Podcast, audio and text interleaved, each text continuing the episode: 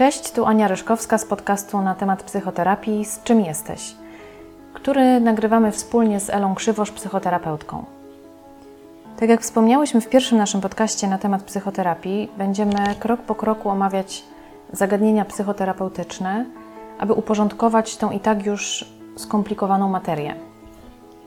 Ponieważ nasze podcasty dotyczą zagadnień terapeutycznych, nastawionych głównie na problemy osób z syndromem DDA i DDD, to zaczniemy od tak zwanego początku i wyjaśnimy, czym jest to pojęcie DDA i DDD oraz kim są te osoby, które mają właśnie ten syndrom.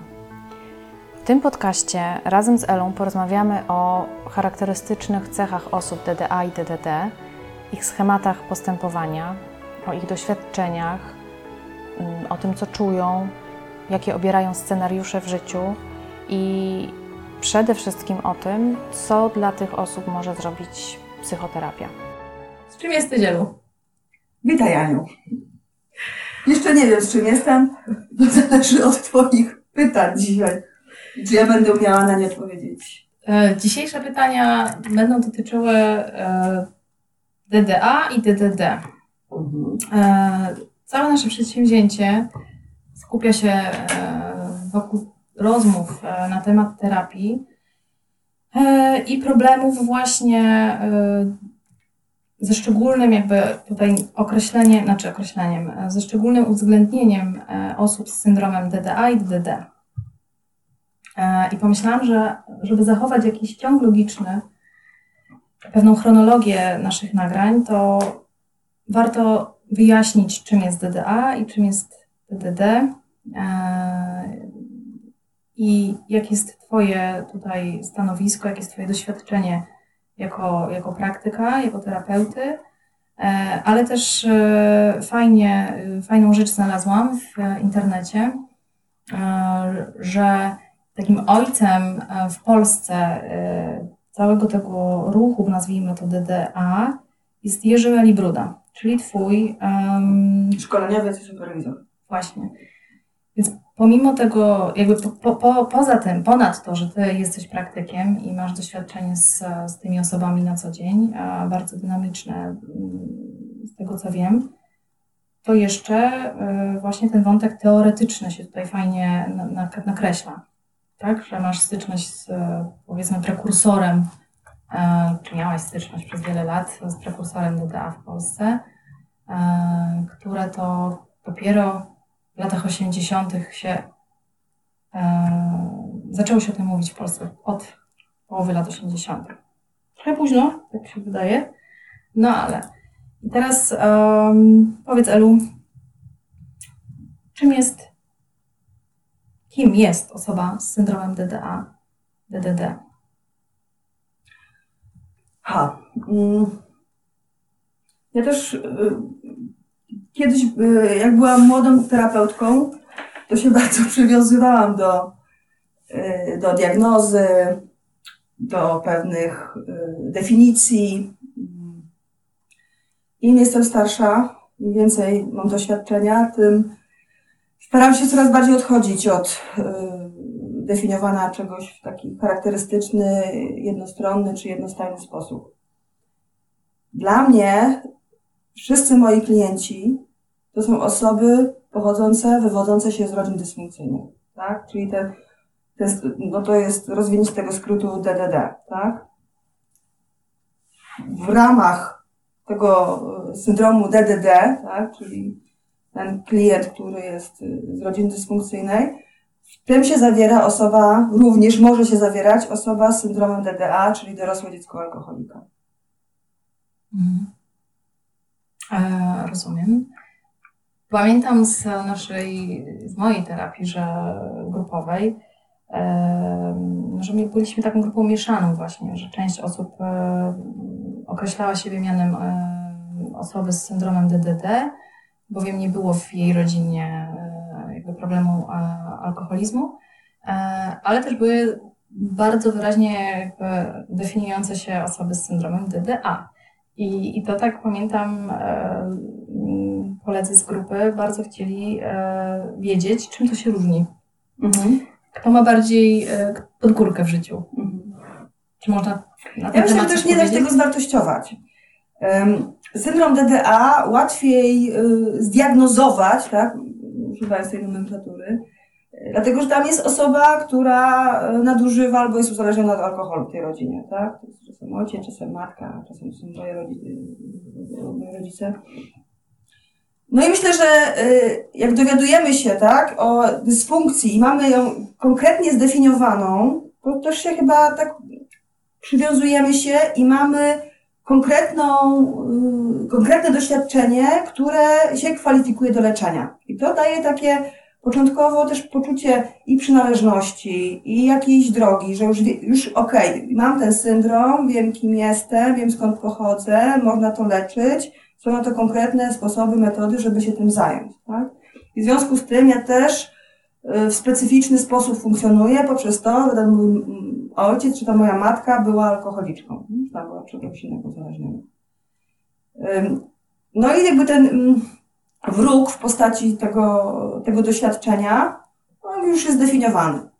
Natomiast jeżeli chodzi o, o ten szeroko pojęty syndrom TDD, czyli pochodzenie z tej rodziny dysfunkcyjnej, no tutaj to często,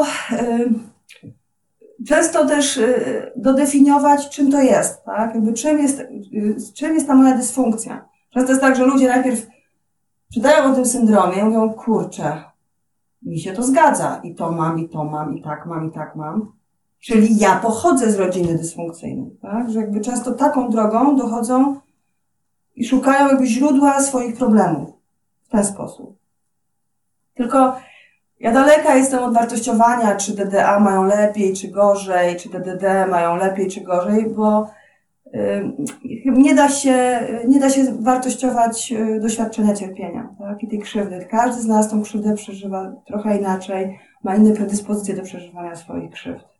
Inne mechanizmy się tworzą. Okej, jest jakiś ten syndrom, tak? I tam w internecie, y, zawsze jak czytamy o DDA, to tam są wyszczególnione te wszystkie style reagowania i potem napisane jest na końcu i to masz dlatego, bo twoja rodzina jest pewnie była dysfunkcyjna, tak? Ale nie przywiązywałabym się do tego. Jakby daleka jest.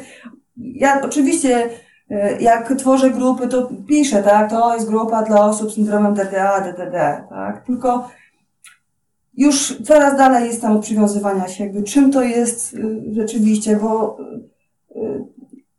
okej, mamy jakąś grupę schematów, tak? Stylów, ról, które, tak? y, które odtwarzamy, ale to i tak wolę zawsze patrzeć na, na jednostkowo na, na, na, każdego klienta. Już teraz? Kiedyś było, może, może to była kwestia tego doświadczenia. Wtedy potrzebowałam też pracować w jakichś normach, ramach, kategoriach, tak? ale teraz już od tego odchodzę. Okej, powiedz Elu, w takim razie, jaki zestaw, nie wiem, cech, em, zachowań pozwoli właśnie osobie przypisać siebie do bycia, nie wiem, powiedzmy DDA? Czyli jakiś taki zbiór e, określeń, czy tam... to co, jak myślałam o tym pytaniu, bo już Mhm. mnie nie przesyłałaś i Mhm. chwilę o tym myślałam i też się zastanawiałam nad tym. I myślę, że to jest y, też uświadomienie sobie, w jakich rolach funkcjonowało się w tej dysfunkcyjnej rodzinie. Rodzina dysfunkcyjna wymusza na członkach rodziny wejście w konkretne role po to, żeby ta rodzina mogła utrzymać się w całości. W ogóle role są po to w rodzinie dysfunkcyjnej, żeby ta rodzina mogła y, funkcjonować y, w patologicznej, ale w całości. Im zdrowsza jest rodzina, tym tych ról jest mniej, albo one są przejściowe, tak? Jesteśmy w, rodzina jest w kryzysie, albo któryś z członków rodziny jest w kryzysie i wtedy tak, są nadawane role, czasem są wyznaczane świadomie, a czasami ten system tak funkcjonuje, że, że y, nieświadomie każdy wchodzi y, w taką rolę, żeby ta rodzina mogła y, przetrwać, tak? W rodzinach zdrowych role są przejściowe, tak, jak są te kryzysy, ale rodzina zdrowa też dba o autonomię każdego z członków rodziny.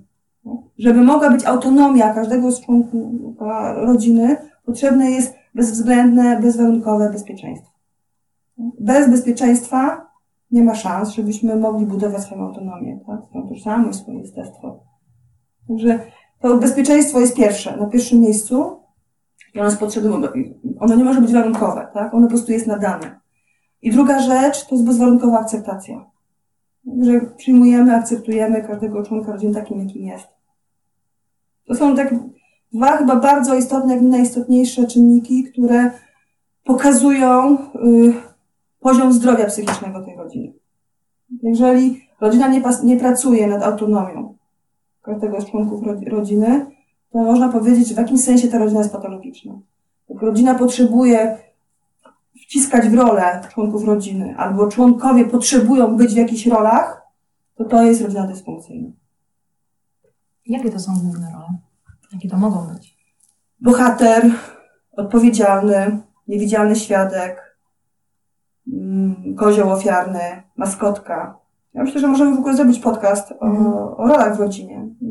Bo to, to, ciekawe. No, bo to, bo to też jakby rozszerzy nam rozumienie tego syndromu DDA, DDD.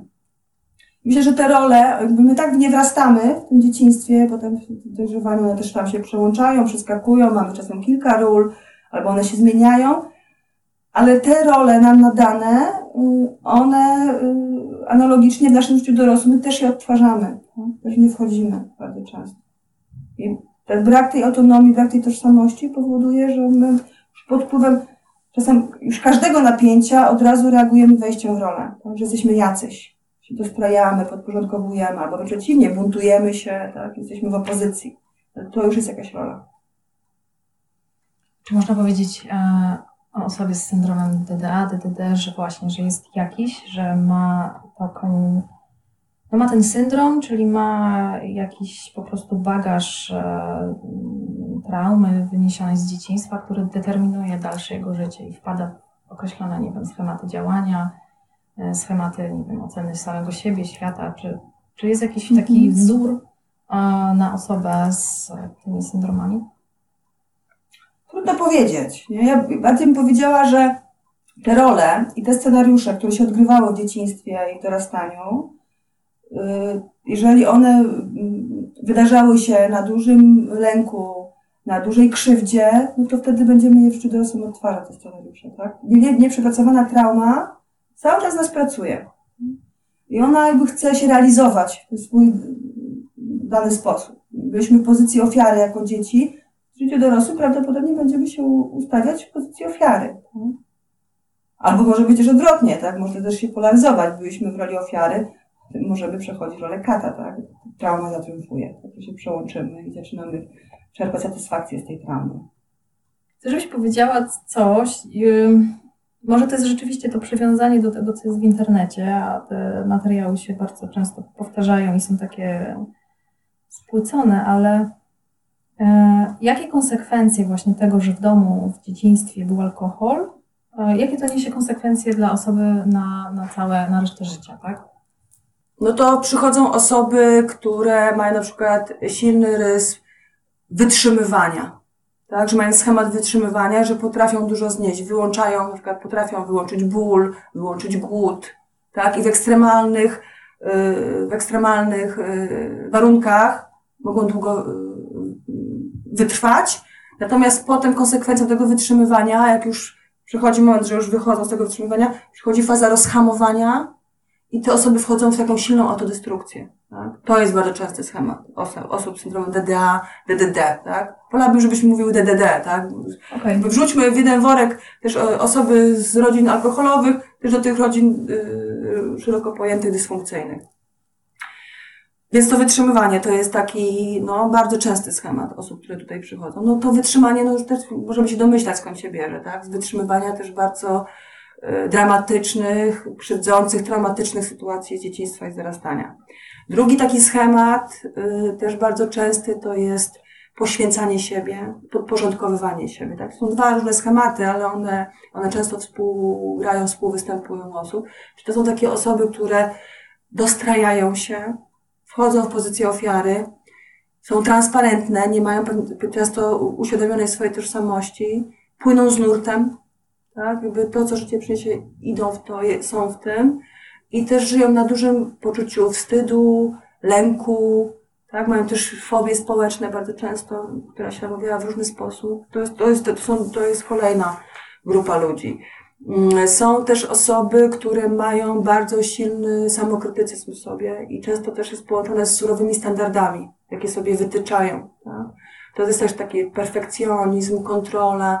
Też z takimi osobami się bardzo trudno żyje współpartnerom. Tak? To też są osoby, które przychodzą często tak, nikt ze mną nie wytrzymuje. Ja z osobą też często nie wytrzymuję. Tak? To są takie osoby. E, też przychodzą osoby, które e, nie radzą sobie z agresją. Tak? I mają taki silny schemat atakowania, tak? deprecjonowania, krzywdzenia innych. Że, że swój ból i krzywdę zamieniły na wściekłość. Tak? I w ten sposób najczęściej wyładowują e, swoją, swoje frustracje, tak tylko, tylko się kontaktują się ze swoją wściekłością, która by pierwotnie nie była wściekłością, tylko była dużym bólem. Osoby nie potrafiły sobie z tym bólem poradzić, przeżyć go, wykształciły schemat przełączania się na wściekłość i każde napięcie, każdy sprzeciw też świata czy ludzi powoduje, że te osoby reagują wściekłością. To są takie główne y, problemy, trudności, z jakimi przychodzą osoby na, na terapię. No jeszcze też przychodzą osoby, też taki schemat bardzo silny, lęku przed bliskością. Tak?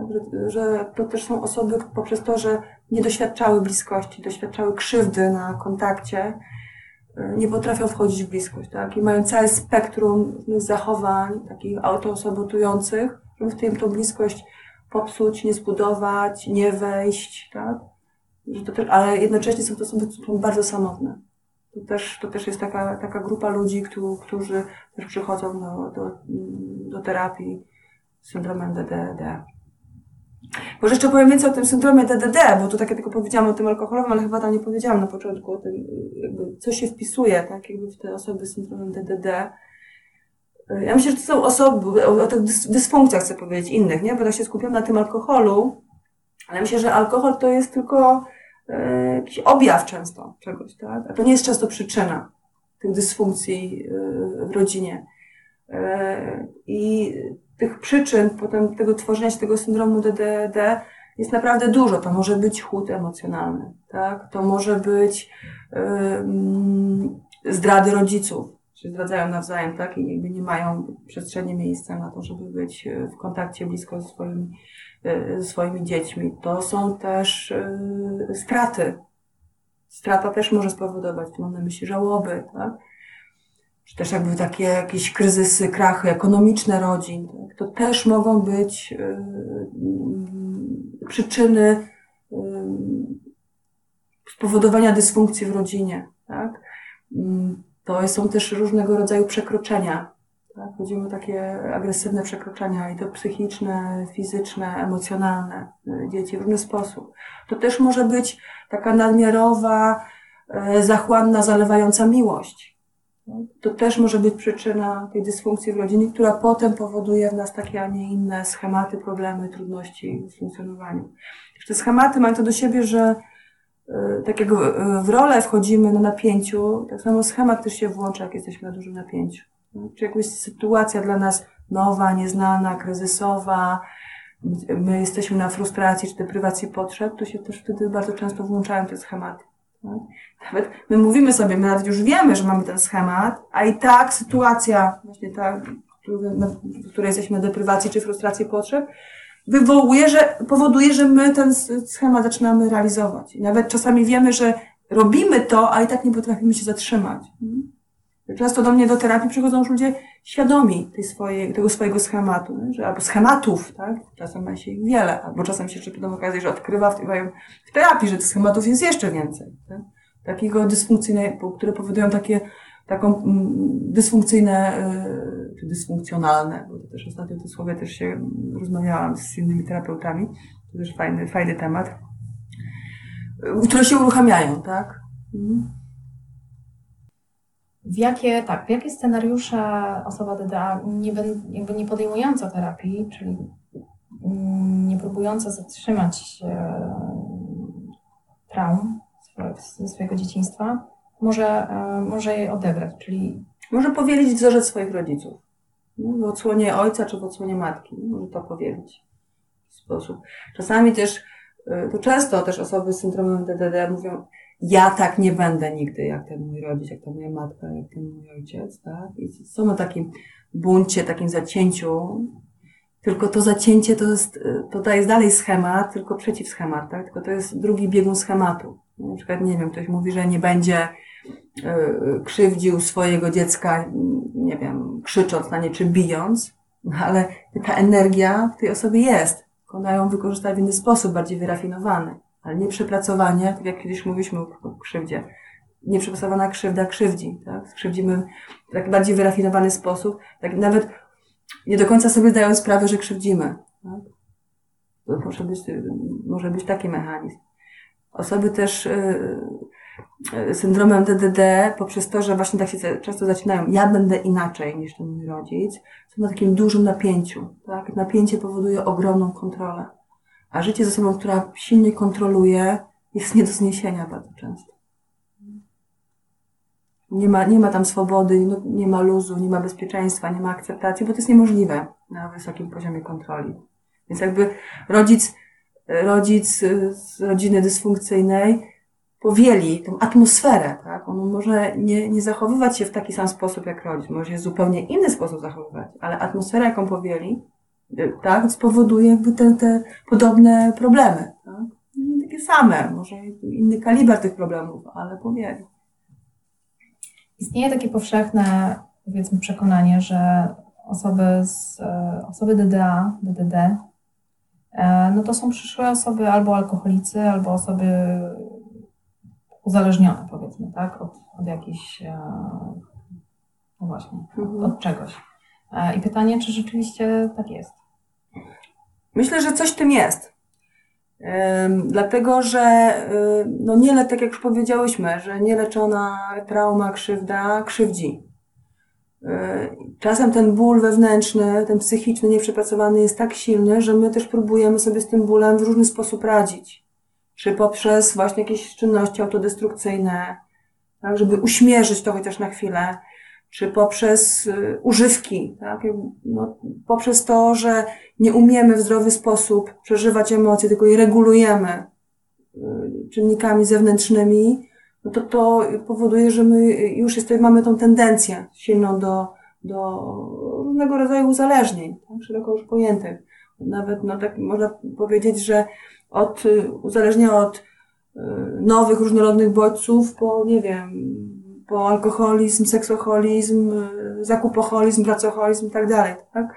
Że w naszych rodzinach no nie, nie było możliwości przeżywać na tym bezpieczeństwie i akceptacji wszystkich stanów emocjonalnych. Więc my nie umiemy różnych stanów przeżywać. Nie umiemy ich przeżyć sami ze sobą, no to, i to wytwarza ogromne napięcie, więc szukamy sposobów, żeby napięcie rozładować. I te poszukiwania, tak jak w tym podcaście z autodestrukcją, pokazują, że no, poszukiwania nie są konstruktywne. Tak? W pierwszym odruchu idziemy wszystkie e, autodestrukcyjne czynności.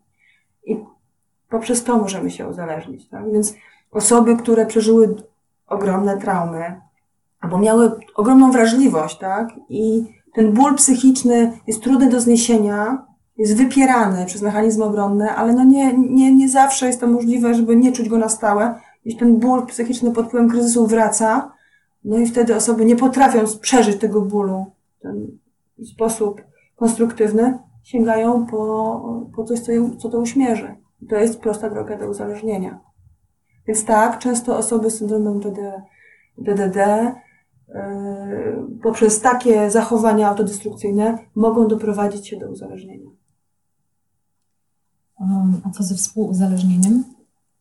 Jak to wygląda? Ja myślę, że yy, tak, mamy tendencję do współzależnienia przez te wszystkie schematy i mechanizmy, o których powiedziałam wcześniej, nie? że to wytrzymywanie, przyzwalanie na złe traktowanie, um, fakt, że nie wiemy, kim jesteśmy, więc łatwo też dajemy się wcisnąć osobie, jednostce silniejszej od nas psychicznie, albo która ma wyższy poziom y, agresji, pozwalamy sobie też wciskać tak, różne przekonania na, na, swój temat, albo potwierdzamy sobie negatywne przekonania na swój temat. To jest też droga do, do, do współzależnienia. Ja myślę, że ten wątek jest też O, jeszcze jedna rzecz, nie, nie bierzemy odpowiedzialności, tak? Że osoby też syndromem DD też mają trudność za odpowiedzialności, albo są nadodpowiedzialne, albo nie biorą jej, yy, nie chcę powiedzieć wcale, tak? Ale mają trudność z braniem odpowiedzialności. To też łatwo się poddają temu yy, współzależnieniu. Tak? Że wchodzą w coś, dostrajają się i są w tym, tak? No my, będąc w tych rolach też, w tej roli dysfunkcyjnej, no w ogóle wchodzenie w rolę, no to też już jest bardzo łatwo, potem powoduje, że my wchodzimy też w współzależnienie. Nie, nie mogę, nie umiem być sobą, boję się być sobą, więc będę taką osobą, która będzie tu pasować w cudzysłowie.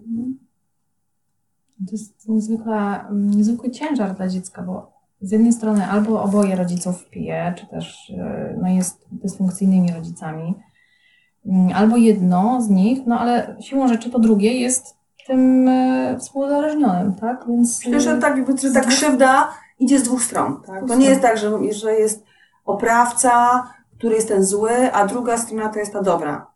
No dzieci y, funkcjonują tak dychotomicznie, tak? Ale no rzeczywistość wygląda inaczej. To nie jest tak, jakby osoba współzależniona też nie, nie potrafi istnieć bez osoby uzależnionej i odwrotnie, tak? No to jest, to jest taki mm, mechanizm, który się napędza. Nie ma kata bez ofiary, nie ma ofiary bez kata, tak? Są sobie potrzebni, żeby w tych rolach odgrywać swój taki taniec chocholi. Że to się musi odbyć. Że jedno drugie wzbudza. A między nimi dziecko. Powiedz, czy dla dziecka właśnie z punktu widzenia e, terapeutycznego ma znaczenie, który z rodziców e, jest alkoholikiem? W sensie, czy bardziej szkodliwe jest, e, jeśli jest to tata, czy bardziej, jeśli jest to mama? Chyba nie ma odpowiedzi na to pytanie, bo to znowu tutaj na to wpływa mnóstwo czynników. Okej, okay, można powiedzieć, no, że matka do tego drugiego roku życia jest bardzo istotna, bo to z matką dziecko ma symbiozę. No i tak sobie wyobrażam, no, dopiero ten rodzic, ojciec buduje dopiero więź rodzicielską, co prawda symbiotycznie nie buduje, ale rodzicielską od, od samego początku, a to jest trochę coś innego, że on jest taki, można powiedzieć, w jakimś sensie y, mniej istotny w tym wczesnym okresie życia. Ale to są już takie, jak to są już jakieś generalizacje. Y, no i nie wiem, można powiedzieć, jak matka pije, a dziecko jest jeszcze w, w okresie symbiozy i tej symbiozy nie ma, bo ona pije, tak? no to myślę, że to jest ogromne spustoszenia w psychice dziecka. Tak? Ale z drugiej strony, nie wiem, zwierzam ojca, który pije, jest totalnie nieprzewidywalny, jest agresywny, jest, y, prowadza zniszczenie w rodzinie, no to tutaj tak samo, tak, no te, te, te traumy no, będą ogromne, tak, jakby te uszkodzenia w tym dziecku będą ogromne. Chyba nie da się tak powiedzieć, że to jest też, też pamiętaj, że każdy z nas jakimś też komponentem przychodzi na świat. Mamy jakiś genotyp, mamy jakiś temperament, tak, więc y, więc mamy jakieś możliwości, mamy jakieś zasoby, mamy jakąś tendencję, tak, czy jakąś tkliwość w sobie, czy nadwrażliwość, czy, czy właśnie odczul, tendencję do odczulania. To, to myślę, że to ma, nie da się chyba tego tak yy, jednoznacznie powiedzieć, że jak ta mama pije, to jest tak, a to są takie traumy, a jak tata to są takie. To jest, to jest już bardzo indywidualna sprawa. Pewnie tak samo nie da się powiedzieć, e, czy nie wiem, szczególne cechy posiada facet DDA, DDD i kobieta.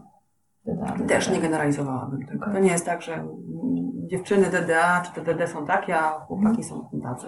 Że nie, nie szedł w tą stronę. Okay. Co terapia ma do zaoferowania dla takich osób? Co można zrobić?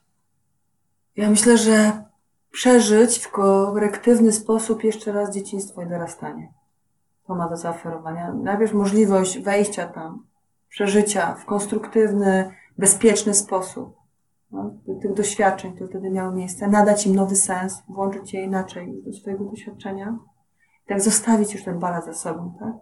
Bo to przepracowanie to jest przeżycie, cały wachlarz tych uczuć, które były nie do przeżycia wtedy, bo nie było na tyle bezpiecznie, ale teraz w tych bezpiecznych warunkach gabinetu terapeutycznego czy grupy terapeutycznej jest to w końcu możliwe do zrobienia, tak? że można tą traumę zamknąć, przepracować, kończyć to doświadczenie, nadać temu sens no? i włączyć już do doświadczenia, do doświadczenia przeszłego. Już nie musimy reagować tak? nadmiarowo, nieadekwatnie na doświadczenia z przeszłości. Myślę, że to jest chyba naj, naj, naj, najfajniejsza rzecz, jaką robi terapia. Hmm? daje możliwość jeszcze raz przeżycia tego w bezpiecznych warunkach, co nie jest wcale proste, to jest bardzo trudne. No. Trzeba przełamać mnóstwo swoich obaw, lęków, przełamać swój lęk przed bliskością, no. otworzyć się na, na pomoc, na wsparcie. To jest najtrudniejsza rzecz, jaką mamy do zrobienia w terapii. A jak e, reaguje rodzina? Czyli załóżmy taki, taki obraz. E, przychodzi osoba mm, na terapię, e, dowiaduje się, bo tak było w moim na przykład właśnie przypadku, to jest to, co ty powiedziałaś, że przychodzi osoba na terapię z problemem i dopiero w zasadzie dowiaduje się od ciebie, że no okej, okay, no to tak, no to ty masz taki, taki syndrom. Ja się dopiero od ciebie dowiedziałam, że istnieje taki syndrom i taki. E, to mi otworzyło oczy. Trochę się poczułam, e, że no okej, okay, nie jestem z tym sama. E, to też jest już jakiś pierwszy mały krok do przodu. Zaczynasz się identyfikować, nie? daje to ci poczucie przynależności, więc to też daje jakieś poczucie już nie sobie spokoju, ale gdzieś jakieś światełko w tunelu, nie? Nie jestem sama, inni też tak mają. Dokładnie tak. Um, ale oczywiście jest też druga strona medalu, bo nagle sobie myślę, o kurczę, to znaczy, że inni, z jednej strony inni też tak mieli, ale z drugiej strony mm, pokazujesz jako terapeuta świat, wytykasz, jakby pokazujesz palcem, no tak nie powinno było być, a latami byłam przyzwyczajona do pewnego sposobu traktowania mojej osoby, myśląc, no nie, no tak przecież tak jest w każdym domu. No nie. Mhm. Więc to jest, to jest takie tutaj, e, no trzeba się z tym po prostu skonfrontować. Ale co chcę powiedzieć, że osoba właśnie dowiaduje się na terapii, czy też przechodzi już z tym wiedząc, że jest DDD, DDD, albo się dowiaduje u terapeuty.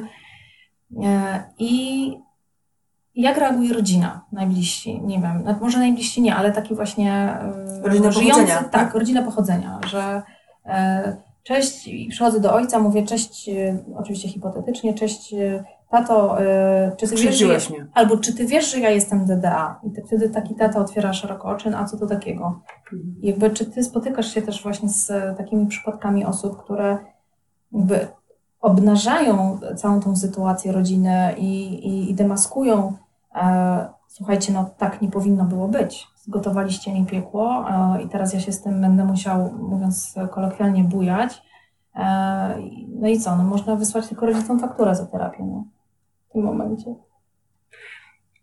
Ja to też y, y, przynajmniej przez pierwsze, y, pierwsze pół roku, rok trwania terapii odradzam, odradzam moim klientom konfrontowanie się z rodzicami. Dlatego, że ten rodzic, który jest teraz, to nie jest ten rodzic, którego mamy zapisanego w obiekt matki i ojca sobie, którzy nas ukształtowali, nam zgotowali, tak? W cudzysłowie, co powiedziałaś, nam dali, no, ale też nam dali dobre rzeczy, ale też nas skrzywdzili, tak? I okej, okay, i ten obiekt matki, ojca mamy zapisany w sobie, tak? który tutaj będziemy przepracowywać. Klient nie przepracowuje tego rodzica, który jest teraz, tylko tego w sobie. I to jest różnica. Więc przez pierwsze miesiące terapii odradzam to, bo to w ogóle to nie są treści do tego rodzica teraz. On już jest w innym miejscu, wasza relacja też wygląda inaczej. Jak ty wchodzisz w regres, wchodzisz w pozycję dziecka, to ty zaczynasz mówić do swojego rodzica, stój teraz, z pozycji dziecka. Jest, on, to, to się nie może, to jest trudne, do żeby się rodzic e, przyjął nas z tym, tak? Pamiętaj, że też nasi rodzice, żeby y, dotrwać, przetrwać do tego tu i teraz, też musieli uruchomić mnóstwo mechanizmów obronnych. Tak? Myślę sobie, że no ja wierzę w to, że każdy rodzic kocha swoje dziecko. Swój czasem pokrętny, dziwny sposób, ale wierzę, że każdy rodzic kocha swoje dziecko. I jestem przekonana, chcę być też przekonana, że nie robi tego, y, no, no okej, okay, zdarzają się przypadki, że są rodzice psychopaci, oprawcy, którzy intencjonalnie satysfakcją krzywdzą swoje dziecko. Zdarzają się takie przypadki. Ale y, wierzę, że większość, naszych, y, większość, większość zachowań naszych rodziców była nieświadoma. W takim sensie, że oni nie wiedzieli, że nas krzywdzą tym, że to można skrzywdzić. Oni nas wychowywali albo nas zaniedbywali. Tak? Ale rzadko który rodzic ma poczucie, że skrzywdził. Więc jak my przychodzimy z taką treścią do rodzica, który jest w tych swoich mechanizmach obronnych, w swoich schematach, w swoim przekonaniu, że zrobił najlepiej jak mógł, my przychodzimy mu z, takiego, z taką bombą, to jest dla niego trudne do przyjęcia albo nie do przyjęcia. Często moi klienci jak piszą w którejś tam fazie y, pracy terapeutycznej list do rodziców, to zawsze mówię, słuchajcie, piszcie to do, do obiektu ojca, matki. W taki, napiszcie ten list w taki sposób, byście mogli dać takiemu idealnemu rodzicowi to ten list do ręki, który przyjmie wszystko, co w tym liście jest. Tak? I was to nie skrytykuje, nie odrzuci, yy, tak, że przyjmie. Taką, chcę, żeby, że, do takiej wizji rodzica chcę, żebyście pisali. I często jest tak, że jednak mnie klienci nie słuchają i piszą ten list do swoich rodziców teraz całą gamą oczekiwań, które są nie do spełnienia przez tego rodzica, bo skoro on nie dał nam tego przez całe e, nasze życie, to już nam tego nie da. Nie dlatego, że nie chce, tylko nie potrafi. Nie ma takich, takich sobie zasobów. I piszecie, piszą klienci e, te listy właśnie z tą całą gamą oczekiwań. Fajnie, że tu to zawsze możemy sobie na, na, na grupie przegadać i każdy może wskazać te oczekiwania i też porozmawiać o tym, na ile te oczekiwania są do naszego rodzica, do spełnienia. I często dochodzimy tu do wniosku, że to nie są oczekiwania do naszych już rodziców. Wszystko, co możemy zrobić, to sami jako dorosłe już osoby spełnić te oczekiwania tego wewnętrznego naszego dziecka, które ciągle czeka na tego rodzica, który przyjmie fakt, że skrzywdził, przytuli, ukoi, przeprosi. Hmm? Zwykle to się nie dzieje. Ja, ja w swojej karierze mam nie wiem, może przypadków na jednej ręce policzyć rodziców, którzy przyjęli dziecko ze swoimi oczekiwaniami, swoją krzywdą, ale tylko dlatego je przyjęli, bo sami byli w terapii albo poszli na terapię. Mhm. Inaczej to się nie wydarzy. I to jest, to też jest taka okrutna, trudna prawda, nie? że ja nie odzyskam tego mojego rodzica. On nie stanie się takim rodzicem, jakiego ja potrzebowałam, potrzebowałem, to się już nie wydarzy. Nie? I że wszystko to, czego nie dostałam, już mogę tylko sama sobie dać. I to jest najtrudniejsza prawda w, w procesie terapeutycznym. E, ale też myślę smutna i rzeczywiście bardzo trudna. I dowiaduje się człowiek tak naprawdę e, o niej na końcu. Tak, bardzo jak często. Już, jak już tak. stoi przed tym mhm, faktem. To prawda. E, to tak jest. Ale to bardzo uwalnia to jest uwalniające. To jest takie zerwanie tej takiej toksycznej, można powiedzieć, pępowiny mm, oczekiwań właśnie mm, do systemu, do, do, do rodziny pochodzenia. I jak się już to przetnie, to się z człowiekiem właśnie, który bierze odpowiedzialność za siebie, człowiekiem w jakimś większym stopniu już świadomym siebie też i, i, i świata. Um, I to jest taka trochę już inna droga, e, mniej wyboista i mniej zaskakująca. Więc można powiedzieć o jakiejś nagrodzie w tym wszystkim. Ja mówię to mhm. z perspektywy osoby. Swojego doświadczenia. Swojego doświadczenia, mhm. dokładnie. Um, ten świat jest już inny i ta droga jest już inna, tak jak powiedziałam, i wszystko jest inne. Optyka się zmienia, ale. Um, ale to jest ta druga strona lustra. To jest ten, to jest ten trochę, jak to powiedzieć, ratunek, tak? Całej tej sytuacji. Eee, Okej. Okay. Jeszcze tylko dodam jedną rzecz, że jak my wychodzimy z tymi, tą krzywdą i z tym bólem i tym wściekłością do rodziców, to my też ich krzywdzimy. To też trzeba powiedzieć, nie? że jesteśmy na tej krzywdzie i zaczynamy krzywdzić też swoich rodziców. To, to my jesteśmy w procesie terapeutycznym, nie oni. Tak? I oni mają prawo tego nie rozumieć, mają prawo tego nie przyjąć. Te mechanizmy obronne, które mają, no tak jak sama nazwa mówi, są obronne. Tak? Myślę, że gdyby rodzic sobie tak uświadomił, jaką krzywdę nam zrobił i poczuł nasze cierpienie, myślę, że mógłby się rozpaść na kawałki. No, jak miał tą możliwość tego przyjęcia, więc te mechanizmy obronne no, do czegoś też służą. To my jesteśmy w procesie, nie nasi rodzice. I to też warto to podkreślić, nie? że jakby też yy, no, należy uszanować też tych rodziców.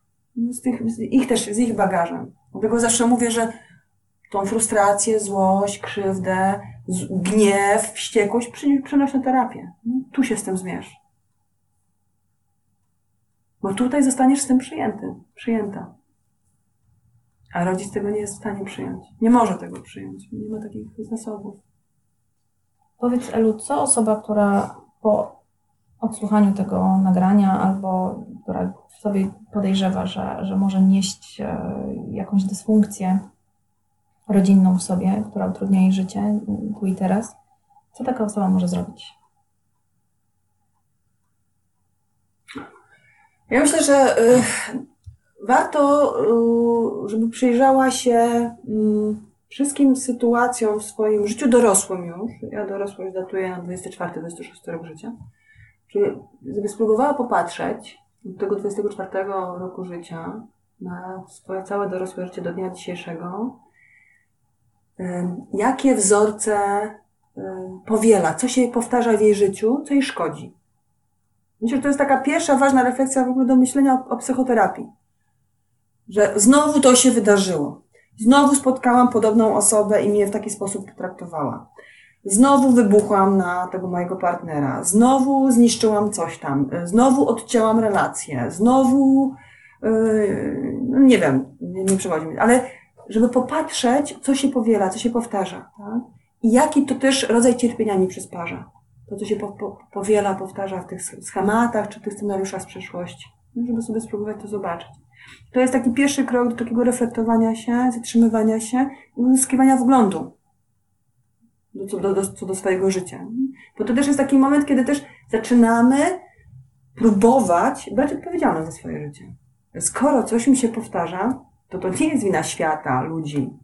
To nie jest, że urodziłam się pod parszywą gwiazdą, tylko to jest coś, co ja generuję w kontakcie. Wybieram takich ludzi do kontaktu, ustawiam się w jakieś doświadczenie w taki, a nie inny sposób. To jest po mojej stronie. I co ja mogę w związku z tym zrobić? Hmm? Okej. Okay. A potem, jeśli cały jakby temu towarzyszy ból, lęk, nie wiem, jakieś stany depresyjne, już taka właśnie do, dobicie do ściany, no to? No, z mojej perspektywy tylko terapia grupowa, z twojej zapewne też, tak? Tak jak mówisz, że musi to po prostu wybrzmieć e, w bezpiecznych warunkach. Całe doświadczenie trudne z dzieciństwa. No i też pamiętaj o tym, że okej, okay, to, to, że to wybrzmi, to gdzieś ten bagaż zdejmujemy, to jest jedno. Druga rzecz, też poprzez terapię uczymy się budować w zdrowy sposób bliskość. Tego nie potrafimy. Przez to, że, przez to doświadczenia z, z rodzin dysfunkcyjnych. A po trzecie też uczymy się różnych strategii radzenia sobie. Tak? Skoro ten mój sposób nie jest dobry, to co ja w tym moim schemacie mogę zmienić? Jaki trybik mogę przełożyć inaczej, żeby choć troszkę zrobić inaczej niż zwykle? Ten automatyzm trochę przechytrzyć, zreflektować i zrobić choć raz trochę inaczej, żeby ten schemat mógł się przebudowywać. Za ciosem, zaczęłyśmy mówić o schematach, ja wspomniałam też o rolach i że też warto ten temat rozwinąć, zobaczyć tą genezę, tak? zobaczyć, okej, okay, wtedy poprzez te sytuacje trudne, traumatyczne, kryzysowe w mojej rodzinie, które się powtarzały, wykształciłam, wykształciłam jakiś sposób reagowania na to. Na przykład podporządkowywałam się w takiej sytuacji. Albo wręcz przeciwnie, atakowałem. Albo poświęcałam coś z siebie, tak? Albo, no nie wiem, tak? Jakby reagowałam jakimś stylem zachowania. Wtedy. Uczyłam się tego stylu. I wtedy ten styl, on mi pomógł bo dzięki niemu przetrwałam. Tak? I ten schemat wtedy był konstruktywny, bo pomógł mi przetrwać. Ale w życiu dorosłym już nie jesteśmy w sytuacji, kiedy ktoś coś nam zagraża, a my jesteśmy bezbronni. W życiu dorosłym możemy inaczej. Ale ten schemat, on jest tak silnie w nas wrośnięty, że my pod wpływem każdego napięcia większego, albo deprywacji czy frustracji potrzeb, włączamy ten schemat. Nie ma powodów atakować, nie ma powodów yy, przyzwalać na zatraktowanie, a my atakujemy albo przyzwalamy na zatraktowanie. I tutaj też w terapii, okej, okay, przerabiamy tą genezę. Dlaczego tak było, że ja musiałam wtedy przetrwać w taki sposób, teraz już nie muszę, to jak ten schemat, który jest tak wrośnięty we mnie, mogę przekształcić? No bo nie da się go wyrwać, bo on jest częścią naszej osobowości. To możemy go tylko przeformułować, tak? Pracować z nim. I też terapii ten schemat też tu się uruchamia, bo, bo wszystkie schematy też na grupie się uruchomią, które mamy. I wtedy w tych bezpiecznych warunkach możemy sobie przerobić nowe strategie, włączyć nowe style yy, radzenia sobie w tym schemacie. I na przykład, nie wiem, mamy schemat atakowania, silny schemat atakowania, możemy go przeformułować na przykład dyrektywność. Ale pewnie w sytuacjach ogromnego stresu, czy tej deprywacji, czy frustracji potrzeb, ten schemat się może powrotem uruchomić. No? I to jest nasza odpowiedzialność, y, co wtedy z tym zrobimy. Okej. Okay. To w takim razie następny, następna rozmowa będzie właśnie dotyczyła tego, czyli ról i, i schematów e, destrukcyjnych.